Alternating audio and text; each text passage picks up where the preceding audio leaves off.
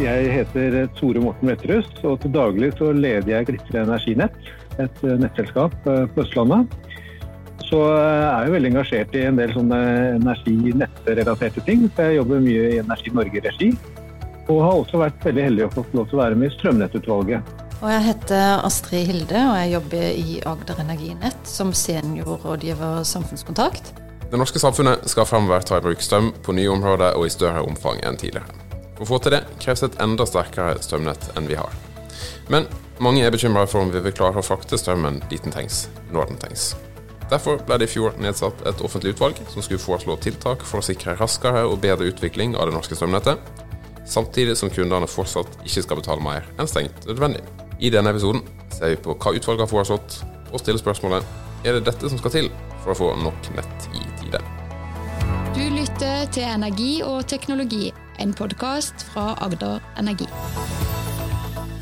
Med meg til å svare på det er jeg så heldig å ha med Astrid Hille fra Agder Energinett og Tore Morten Wetterhus fra Glitre Energinett. Så vi begynner med deg, eh, Tore Morten. Er det det her som skal til for å få eh, nok nett i tide? Det første så tror jeg det er et veldig veldig viktig spørsmål. Og så tror jeg svaret på det eh, ikke er eh, rett frem. Jeg tror det som Så eh, tenker du på hva det utvalget har presentert, nok til å få nett i tide. Jeg tror egentlig ikke det. Jeg tror at dette er en kontinuerlig jobb vi må gjøre sammen fremover. Men mye av utfordringen sett fra meg er at vi har en del politiske mål rundt klimaambisjoner, ny næringsutvikling. Men vi har ikke dratt det ned til hva betyr det eh, konkret på bl.a. kraftnett, på kraftproduksjon, på en del andre områder. Så vi har ikke greid å sette linken mellom hva de overordnede politiske målene er, og det som faktisk er dagens situasjon, og hva må til. Så jeg tror at den rapporten her, den er et bidrag inn. Eh, og jeg håper at den er ikke så veldig kontroversiell, for kontroverser betyr at det tar tid. Men det må suppleres, det må forsterkes, og det må bygges på videre, tenker jeg. Ja, jeg tenker at uh, de forslagene her er et stykke på vei. Men det er veldig lite konkrete forslag som har en konkret umiddelbar effekt på å få ned ledetidene, som er på en måte det som jeg opplever er spørsmålet ditt, nytt nett i tide. For det er to aspekter i dette. Det er den klimamålsettingene klimamålsetningene som politikerne har satt seg. Man ønsker da innen 2030 å redusere utslippene med 50 Det betyr at veldig mye av det vi har på fossilt i dag, må over på elektrisitet. Eh, og når man da står her i dag i 2022 og har en rapport som sier at man aksepterer en ledetid på regionalt nett mellom seks og åtte år, så sier det seg sjøl at utvalget har akseptert at man ikke når 2030-målene fordi man aksepterer en så lang ledetid. I alle fall eh, hvis vi tar utgangspunkt i de utslippskuttene vi har i dag, så er vi langt ifra 50 eh, reduksjonen. Og, og, vi må begynne med det nettet vi skal bygge for 2030 i dag, hvis vi skal rekke det med den ledetiden vi har nå, med mindre vi kan kutte ned vesentlig mer enn det utvalget foreslår. Og Det andre poenget er at det allerede i dag er trangt om kapasiteten, og det er jo grunnen til at dere blei oppretta i, i, dette utvalget som du sitter i, Tor Morten. Og i Agder så har vi en reell risiko for at samfunnsutviklingen generelt stopper opp pga. manglende nettkapasitet. Vi har ikke kapasitet til f.eks. nødvendig infrastruktur som veiutbygging. Ny E39 kan vi ikke love faste installasjoner til når den står ferdig i 2025, fordi vi har ikke et regionalt nett i dette området som dekker den kapasiteten. Så vi, vi står i en skvis vi rekker ikke tida å levere til kundens behov, og vi rekker heller ikke tida å levere i forhold til klimamiljøforutsetningene som er satt i politiske målsettinger. Det er veldig, jeg tenker Den rapporten her, eh, som er veldig flott i, i, i den settingen her nå, at vi, vi faktisk vekker en del diskusjoner. Uh, og så er jeg litt uenig med Astrid når det gjelder konkrete tiltak. Det er 64 tiltak som vi har telt i rapporten her. En ting som er som, Hvis vi kan begynne å gå litt inn på hva rapporten sier, det er at vi har veldig mye dødtid i prosessen i dag. Altså En sak ligger hos NVE kanskje ti måneder før man får tildelt en saksbehandler. Eh, NVE har ikke nok kapasitet. Jeg tror de, Det er også vanskelig for dem å si hvor mye folk trenger. de. Bedre tidsstyring i, i konsesjonsbehandlingen hos myndighetene. Kjøre på med ressurser der. Det, der snakker vi år i besparelser, tenker jeg. Et annet viktig element er eh, at man eh, er god på dette med tidlig involvering. Og, og får på en måte med seg de lokale aktørene. Eh, og får med seg, Det er jo, det er komplisert å være kunde. Og Astrid er storkundeansvarlig. og vi, er, vi, representerer to forskjellige nettselskap. Eh, men du har Statnett og kanskje andre lokale nettselskap. Det er et mylder. Og vi hører jo fra, fra de aktørene der ute at det er veldig komplisert å forholde seg til nettselskapene. Så det at man får standardisert prosessene, som er et konkret forslag her, vil hjelpe mye sett fra kundesiden. Men ikke minst at man også kan fremstå mye mer enhetlig. Så dette At man jobber sammen f.eks. med Statnett i områdeplaner, får god tidliginvolvering, får forståelse lokalt, for at det å få strøm og nok kapasitet, det krever ganske mye. Eh, og at man da ser når man begynner å gjøre tiltak, at dette er faktisk ikke tiltak for å bare bygge nett, men dette er tiltak for å få ønska samfunnsutvikling. Veldig mye av tidsbruken i disse prosessene her går på konflikter sent i prosessen. At man får eh, store eh, runder på klage og klagehåndtering, og, og, og da sånn sett mye lokal motstand. Og Den er ofte løsrevet fra konteksten at dette er faktisk det som må til for å nå klimamål og få, få ny næring. Så jeg, tror, er, jeg vil si at det er mange konkrete tiltak her. og, og Eh, den reduserer ikke eh, ledetiden ned til halvparten, men typisk både for regionalnett og transmisjonsnett kanskje 30-40% vil jeg si, hvis man greier å gjennomføre dette her. Og så er det en del ting som går på kontinuerlig forbedring, som er krevende, men som man også må gjøre. da. Jeg er enig i at det er mange bra tiltak for å redusere ledetiden, spesielt på eh, sentralnettsnivå. Men for oss på regionalnettet, som er regionale selskaper, så, sånn som jeg har forstått utvalget, så, så, så, er det fremdeles en ledetid på mellom seks til åtte år på regionale linjer. Altså det er, ikke, det er en marginal forbedring for regionalnettsnivået. For sentralnettsnivået er det en betydelig større forbedring, så det er jeg helt enig med deg. Der er det veldig nødvendige tiltak som er gjort av forenklinger. Og det er mange bra tiltak, men uh, hvis du spør om vi når klimamålene, som var spørsmålet her, av disse forslagene, så gjør vi ikke det. Og I tillegg da, så mener man jo at man skal vente på at en kunde initierer utviklingen. Det gjør at man ikke kan ligge i forkant, og heller ikke ha insentiver som nettselskap til å investere i forkant. Det, det øker på en måte ulempene da med målsetningen om å nå klimamålene. Da, vi setter bare lista enda høyere. Men det er veldig mye bra. Eh, så jeg har lyst til å si det. Altså det er kjempemye rundt dette med anleggsbidragsregler som gjør at kanskje etterspørselen kan gå ned. At vi setter opp gebyrer og, og, at det koster å reservere, gjør at vi får mer reelle søknader inn i køen. Men vår erfaring i Agder Energinett er at uh, søknadene er reelle. Um, vi må doble vår installerte kapasitet for reelle søknader i løpet av fire år. Altså det vi har brukt 100 år på å bygge det nettet, det skal vi nå doble i løpet av fire år. Og Da sier det seg også sjøl at det kan vi ikke løse ved å koble ut alle de andre kundene på fleksibilitet, for så mye fleksibilitet er det ikke. Men vi må bygge, og vi må ha, eh, bruke alle verktøy vi kan om vi skal ha en sjanse til å nå dette. Og da håper jeg jo at dette arbeidet kan bygges videre på, at politikerne kan ta tak og så gjøre noen endringer også med ledetidene, da, sånn at vi når disse målene vi har satt oss.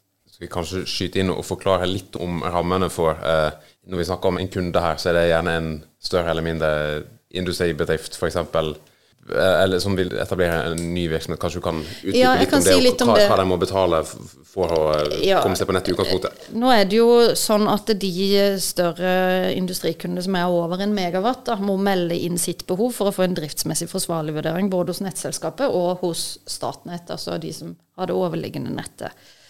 Eh, og de må være med å betale anleggsbidraget. Og vi skal investere riktig nett til riktig tid, og det betyr at hvis man, har, eh, hvis man har kapasitet i nettet, så får de det gratis, og hvis ikke så må vi bygge ut. Og, og der er vi nå, og de fleste steder så må vi bygge ut. Og det, den ene første kunden som kommer, han får en veldig stor regning.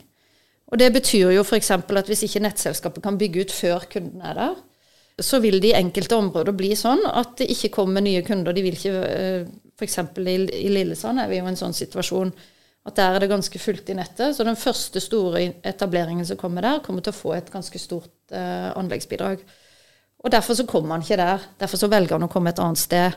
Og da blir det en sånn catch 22 for sånne områder som gjør at det, ingenting skjer. Eh, de får ikke solgt de tomtene de skulle ønske, fordi det vil bli en stor eh, investering å etablere seg der. Mens andre steder da har jo ledig kapasitet, og så ønsker vi jo at de skal etablere seg der, og da er det riktig prissignal. Men noen ganger så kan det prissignalet bli litt stort, da. Og det gjør at man ikke kan investere på forhånd, fordi uh, vi må vente til kunden kommer og utløser investeringen. Mm.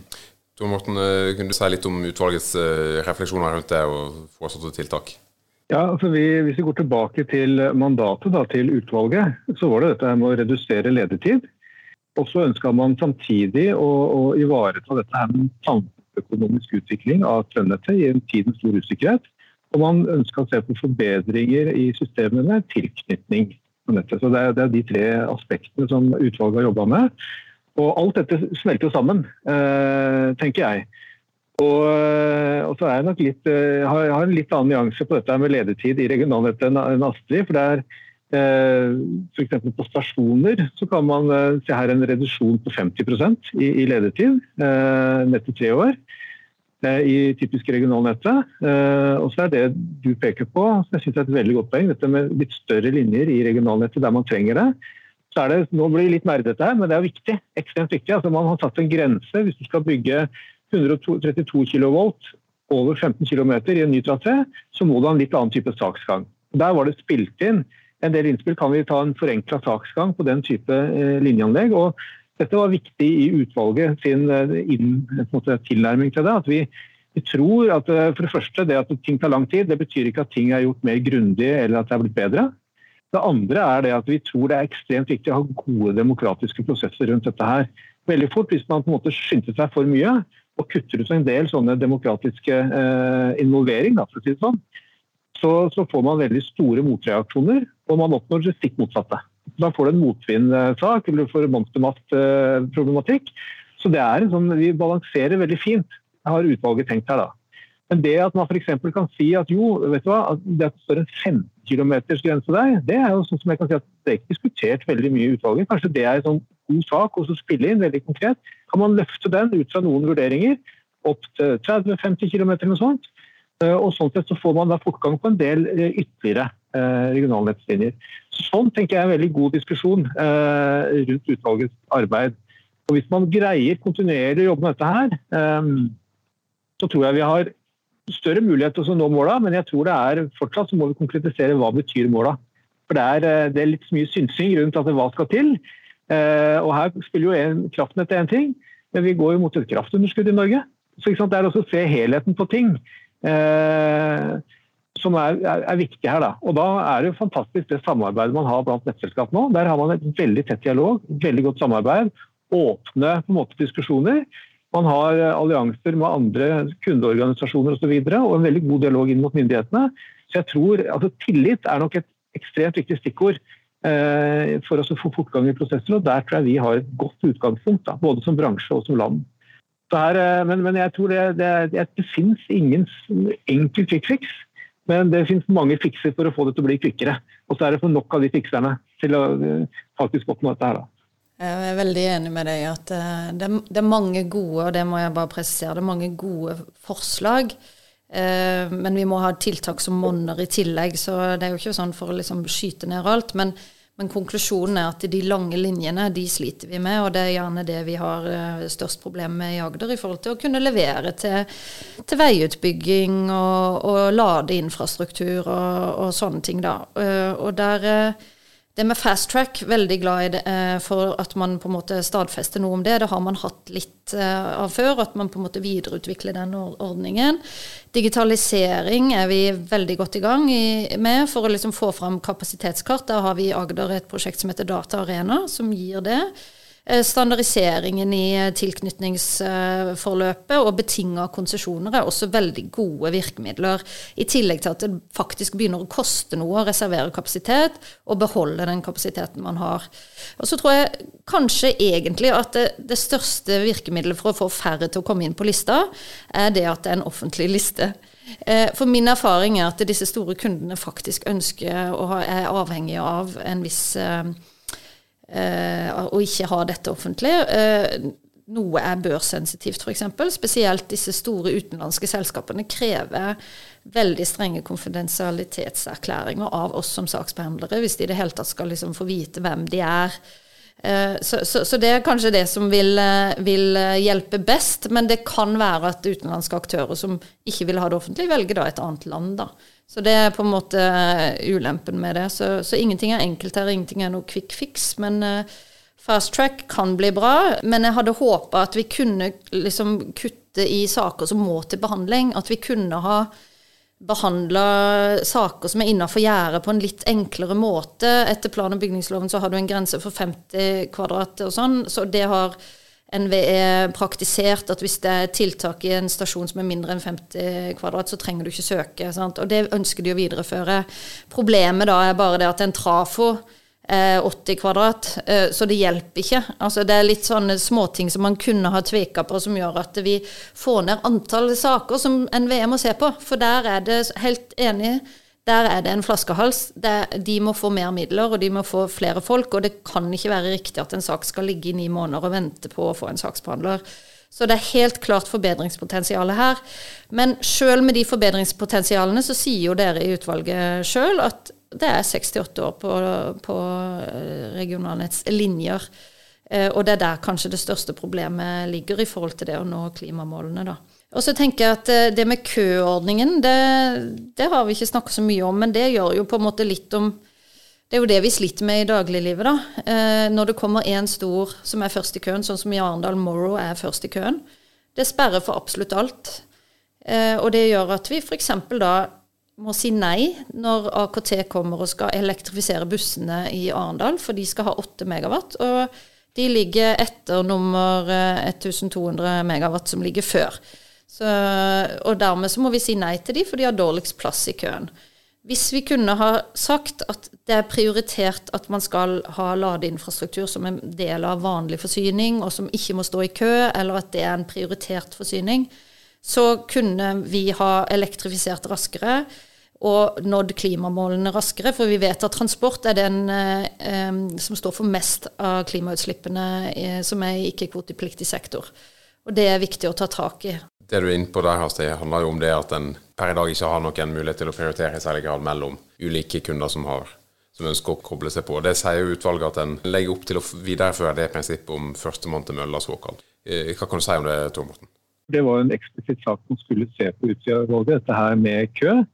Uh, og, eh, og, så skal, har man også fått en føring inn i utvalget at det skal være robust over tid. Og Det som man datt ned på, er jo dette her med eh, første tid best i rett, eller førstemann til mølla. var en greie. Og så er det noe med eller at man ønsker, eller tror det er et godt prinsipp, utgangspunktet. Eh, det er robust og holder seg over tid. Men så ser man jo en del utfordringer. da, med Hvor er den mølla? Altså, Når er det klokka begynner å gå? Vi er 100 nettselskaper i Norge. Det er veldig forskjellig eh, hvordan ting eh, måtte gjøres. Så der er dette med standardisering ekstremt viktig. Det andre er at man sier at eh, det kom masse innspill om forskjellig prioritering mellom geografi, mellom forskjellige typer næring. Eh, men det der blir eh, vanskelig å ha på en veldig tydelig robusthet i det. Det er på interesser som du da vektlegger opp mot hverandre, som er mer en politisk beslutning. Men det man sa, at modenhet er noe man tror er, er riktig å legge inn her, nettopp for at det er mye luft i køen. Og det at man da driver med luftslott, som skal ofte ta plassen for andre som ikke er luftslott, men som er reelle ting, der tenker man at modenhet bør komme inn som kriterium. Og Der er det jo initiativer og ting gang, på gang i bransjen som man kan eh, bygge videre på. Så det å standardisere også der vil være viktig. da. Så har jeg lyst til å kommentere, Det er mye i rapporten som går på dette å bruke det nettet vi har i dag, enda bedre. Så man sier jo at man bør altså Her går vi inn i en periode der vi nok bør kjøre nettet med høyere risiko. For det er stor på en måte eh, reservekapasitet og, og redundans, som man kaller det, i nettet. og Særlig jo lenger oppover det kommer. Det er driftspolitier som er ganske strenge. Eh, som ikke er, har tatt helt inn over seg både dette her med, altså med det komplette risikobildet og samfunnsøkonomien. Man har mer bare konsekvens, eh, konsekvenser, hva kan være akseptabel konsekvens. og Driftspoliti er noe man ønsker å, å standardisere og utfordre. Og Da håper jeg også at vi kan på en måte få gitt tilgang til flere raskere. Når du ser over hele landet, så er det forskjellige situasjoner. Noen steder vil det gjøre veldig mye, andre steder så vil det ikke gjøre så mye. Så det er både å gjøre det nettet vi har enda bedre eh, i forhold til utfordringen, det eksisterende nettet, og så er det å få det nye nettet, da, både køen og, og, håndteringen av utbygging, mot det mest mulig ryddig, som er, har vært fokus da, i, i utvalgets arbeid. Det er jeg veldig glad for at dere faktisk utfordrer driftsmessig forsvarlig. Dere utfordrer Statnett. Eh, det er ikke noen konkrete forslag på å endre systemansvaret. Så det er jo på en måte noe med hvor, eh, hvor mange ganger skal vi ha n minus 1 minus 1, og på hvilke forutsetninger vi skal legge til grunn. og, og disse tingene. Så, så, jeg tenker at det er kanskje det viktigste og den mest quick fixen er å på en måte tillate mer risiko. Gjerne i tilknytning med vilkår, at den eh, spesialiseres litt. Og der har vi veldig god erfaring med det, og samarbeid med Statnett rundt det. og kalle det tøye strikken, da, for å nettopp få på veiutbyggingen. Og Hvis ikke vi hadde fått til det, så hadde det ikke blitt bygd vei. Men, men jeg mener allikevel at når den veien faktisk er blitt bygd, så bør den kunne prioriteres som samfunnskritisk infrastruktur, og at det burde være en enkel sak å bestemme at den type infrastruktur, vei, vann, sykehus, skal prioriteres, eh, selv om de har større uttak enn 1 megawatt. Alternativet er at man må endre den megawattsgrensen til 3-4-5 megawatt. For å liksom få, få, unna det som vi ser på som vanlig samfunnsutvikling. For hvis køordningen praktiseres altfor strengt, så stopper alt annet opp fordi det står en veldig moden kø, eh, veldig moden i kø først. Ref. Morrow-tilfellet, da. Så, så, før utbyggingen til Morrow er foretatt i 2025, som vi regner med, da, så kan ingenting annet komme på som er over eh, de grensene som er satt for vanlig forsyning. Og det betyr jo at man stanser en hel region i, i annen utvikling og klimakutt-tiltak, som det da faktisk ikke blir gjort, fordi vi, vi har en stor en i kø først. Nå, nå er det jo veldig, Vi skriver snart 1. juli her, og, og det er før sommeren. Det som er tenker jeg positivt rundt uh, rapporten, er at den, er umiddelbart sendt på høring.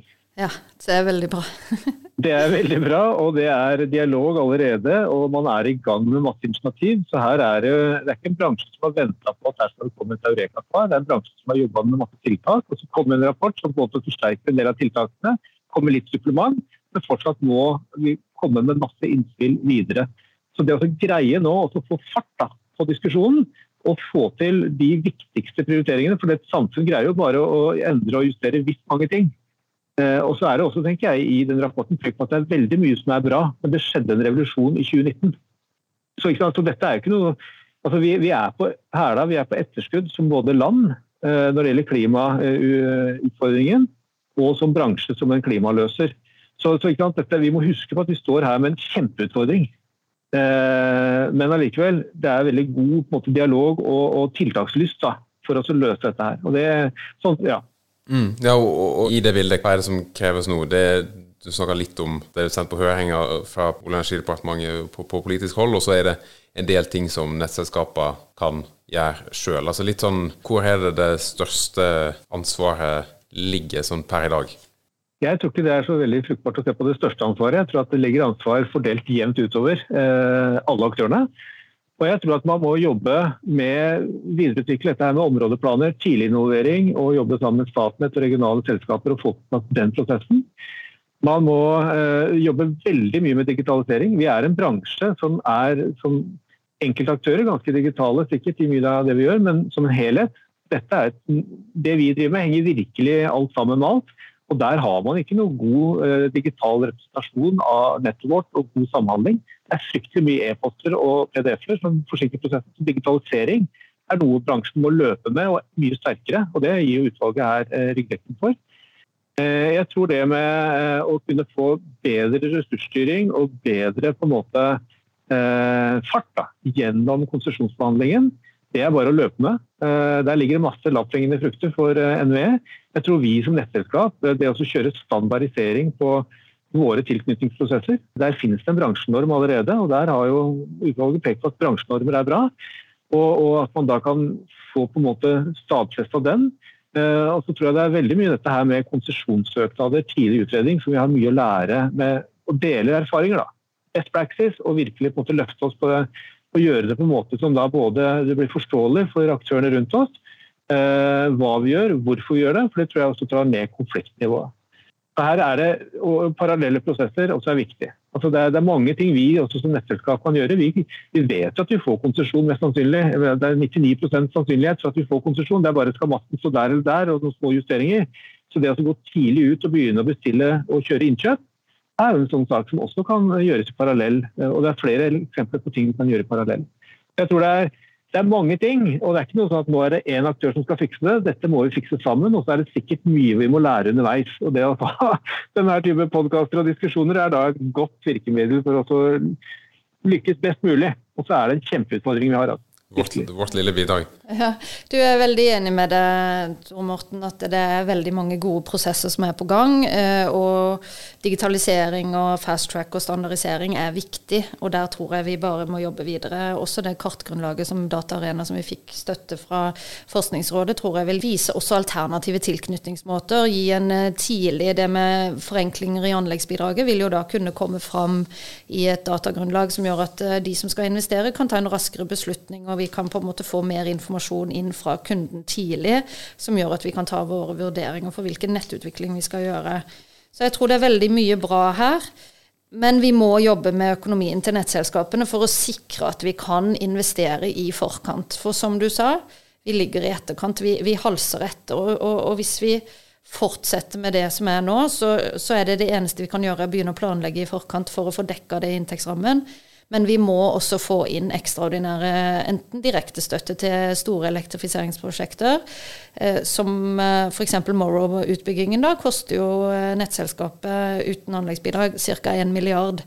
Eh, det er veldig store investeringer som kan gjøre at nettleia blir veldig høy. Og nettselskapet har ikke insentiver til å gjøre tilsvarende investeringer andre steder som vi burde ha gjort på forhånd. F.eks. For å lage en ny kystlinje til Lillesand eh, hvor vi ser at det kan skje noe. Da risikerer vi at samfunnsutviklingen stopper opp i disse områdene. Så det er flere ting eh, vi må jobbe videre med. Må få ned antall saker, så disse stakkarene i NVE de er jo, det er jo synd på dem. De har jo veldig mye å gjøre. Det er ikke sånn at de sitter og tvinner tom, tommeltotter i ti måneder fordi om saken ligger der. Det er jo fordi det er for mange saker som kommer inn. Og da tenker jeg at et av tiltakene er å finne ut av hvordan vi kan la det komme inn de riktige sakene og behandle de riktige sakene på riktig måte. Og så må nettselskapene selvfølgelig behandle ting parallelt. Vi trenger kanskje å få ned antall saker, f.eks. ved å gå fra 1 megawatt til 5 megawatt. Eh, øke grensene for når en sak skal behandles etter de mest eh, omfattende konsesjonsreglene. Øke f.eks. 1,5 eh, mil til 5 mil. gjøre noen sånne store grep som gjør at vi kan elektrifisere raskest der hvor etterspørselen er størst, og der hvor det har størst gevinst for klima, og det vil si på regionalnett. Og det er det på en måte mitt største ankepunkt i, i forhold til den jobben som er gjort nå, at man har ikke anerkjent det hastverket vi har, både med å sikre en videre samfunnsutvikling og å sikre at vi kan nå klimamålene i 2030. For den konklusjonen som ligger der nå, er en sikker konklusjon på å ikke nå det. Dessverre. Der har jeg lyst til å si noe at Vi har nok anerkjent utfordringen, for å si det sånn. Og så har man peking, og så eh, er man ikke i mål med dette her. Men eh, definitivt eh, anerkjent utfordringen. Og, og forhåpentligvis er dette et, et av mange bidrag da, i, i riktig retning.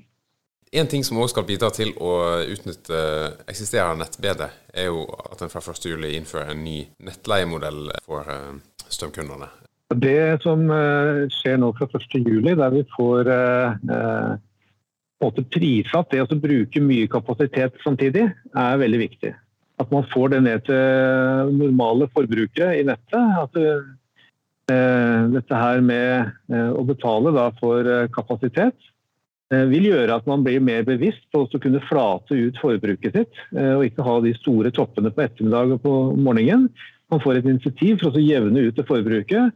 Og så er det tenker jeg, spesielt rundt dette her med lading av elbiler, at man da også har en reduksjon av nettleienivået på natta.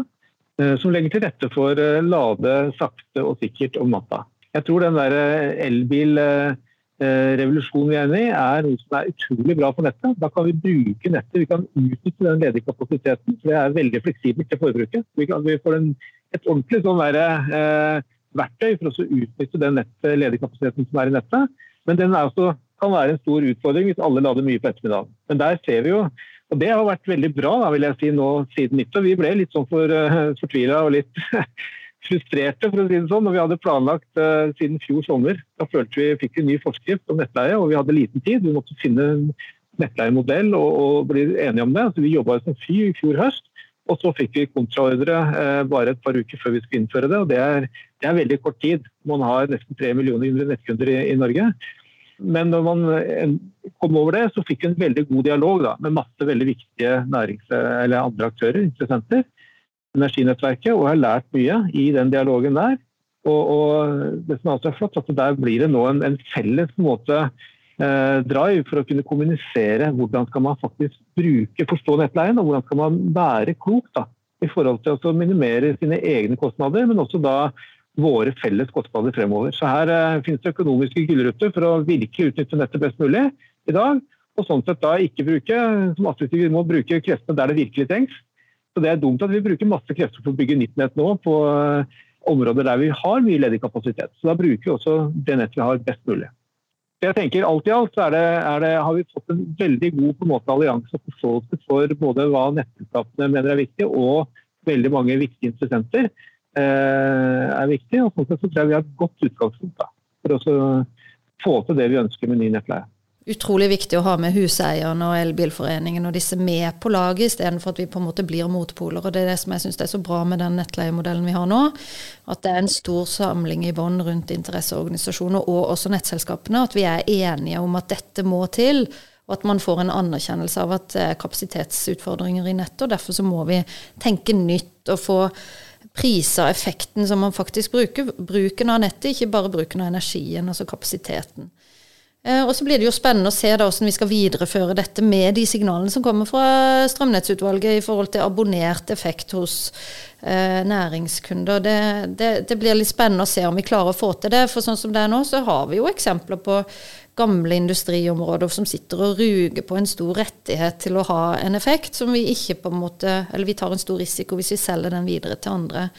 Så her tenker jeg at Fordi situasjonen er så prekær, så må vi bruke alle de virkemidlene vi har. Eh, både tariffer, avtaler og også direkte reguleringer for å gjøre den kapasiteten som er der i dag, mer tilgjengelig for de som kommer, og mer elektrifisering. Men samtidig så må vi også kunne tenke at vi må bygge eh, raskere, enklere og bedre nett. Da sier jeg takk til Tore Morten Wetterhus og Astrid Hille for at de har stilt opp i Energi og teknologi. Eh, mitt navn er Harald Wengen. Eh, jeg minner som vanlig om at du kan eh, finne alle episodene på ae.no podkast, eller der han vanligvis driver og lytter til sånne ting. Da sier jeg takk for nå og god sommer.